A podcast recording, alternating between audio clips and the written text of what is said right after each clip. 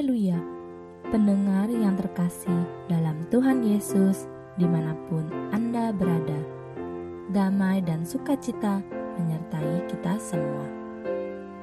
Renungan sau bagi jiwa yang disajikan Gereja Yesus Sejati berjudul Dua hal aku mohon kepadamu. Amsal pasal 30 ayat 7 Dua hal aku mohon kepadamu. Jangan itu kau tolak sebelum aku mati. Yakni, sebagai orang yang percaya kepada Tuhan, dalam seumur hidup tentu tak terhitung banyaknya hal yang dimohonkan kepada Tuhan. Bagaimana mungkin hanya dua hal?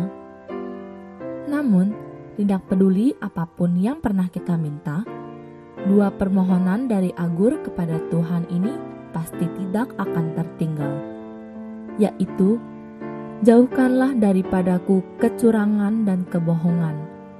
Jangan berikan kepadaku kemiskinan atau kekayaan.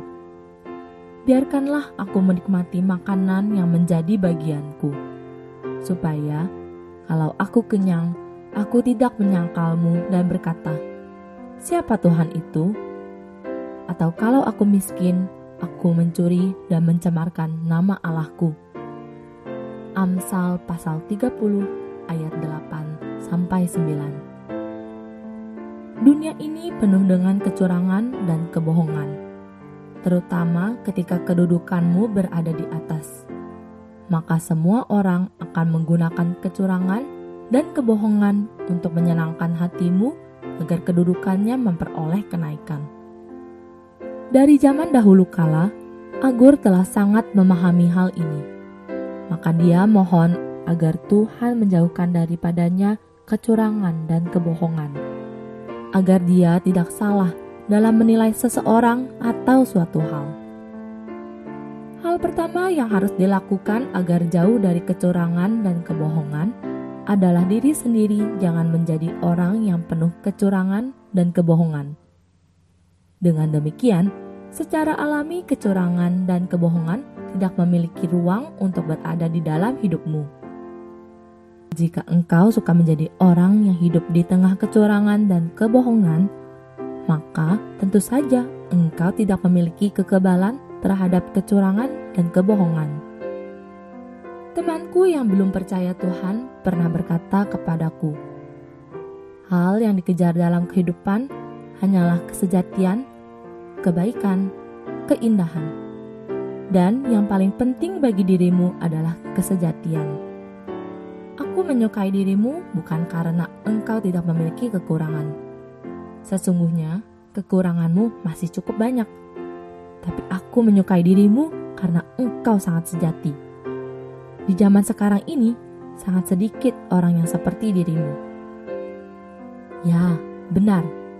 Jika tidak ada kesejatian, maka kebaikan pun merupakan kebohongan, dan keindahan pun merupakan hal yang dibuat-buat.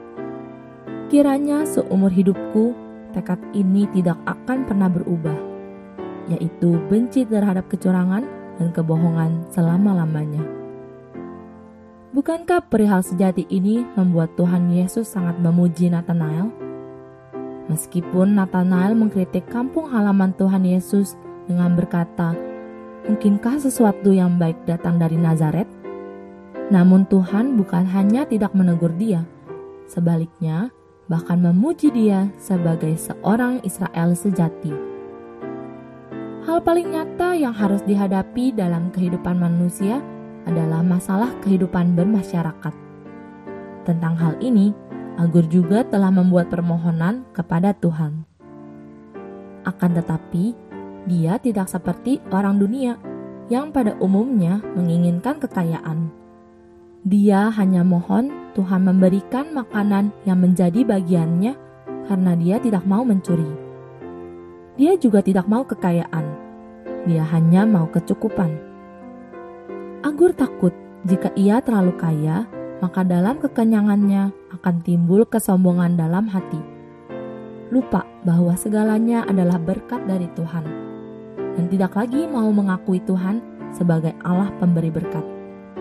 Dia juga takut Jika ia terlalu miskin, maka ia akan kehilangan moral sehingga mencuri dan mencemarkan nama Tuhan. Dua hal yang Agur mohon menginspirasi kita untuk memohon hal yang sama kepada Tuhan.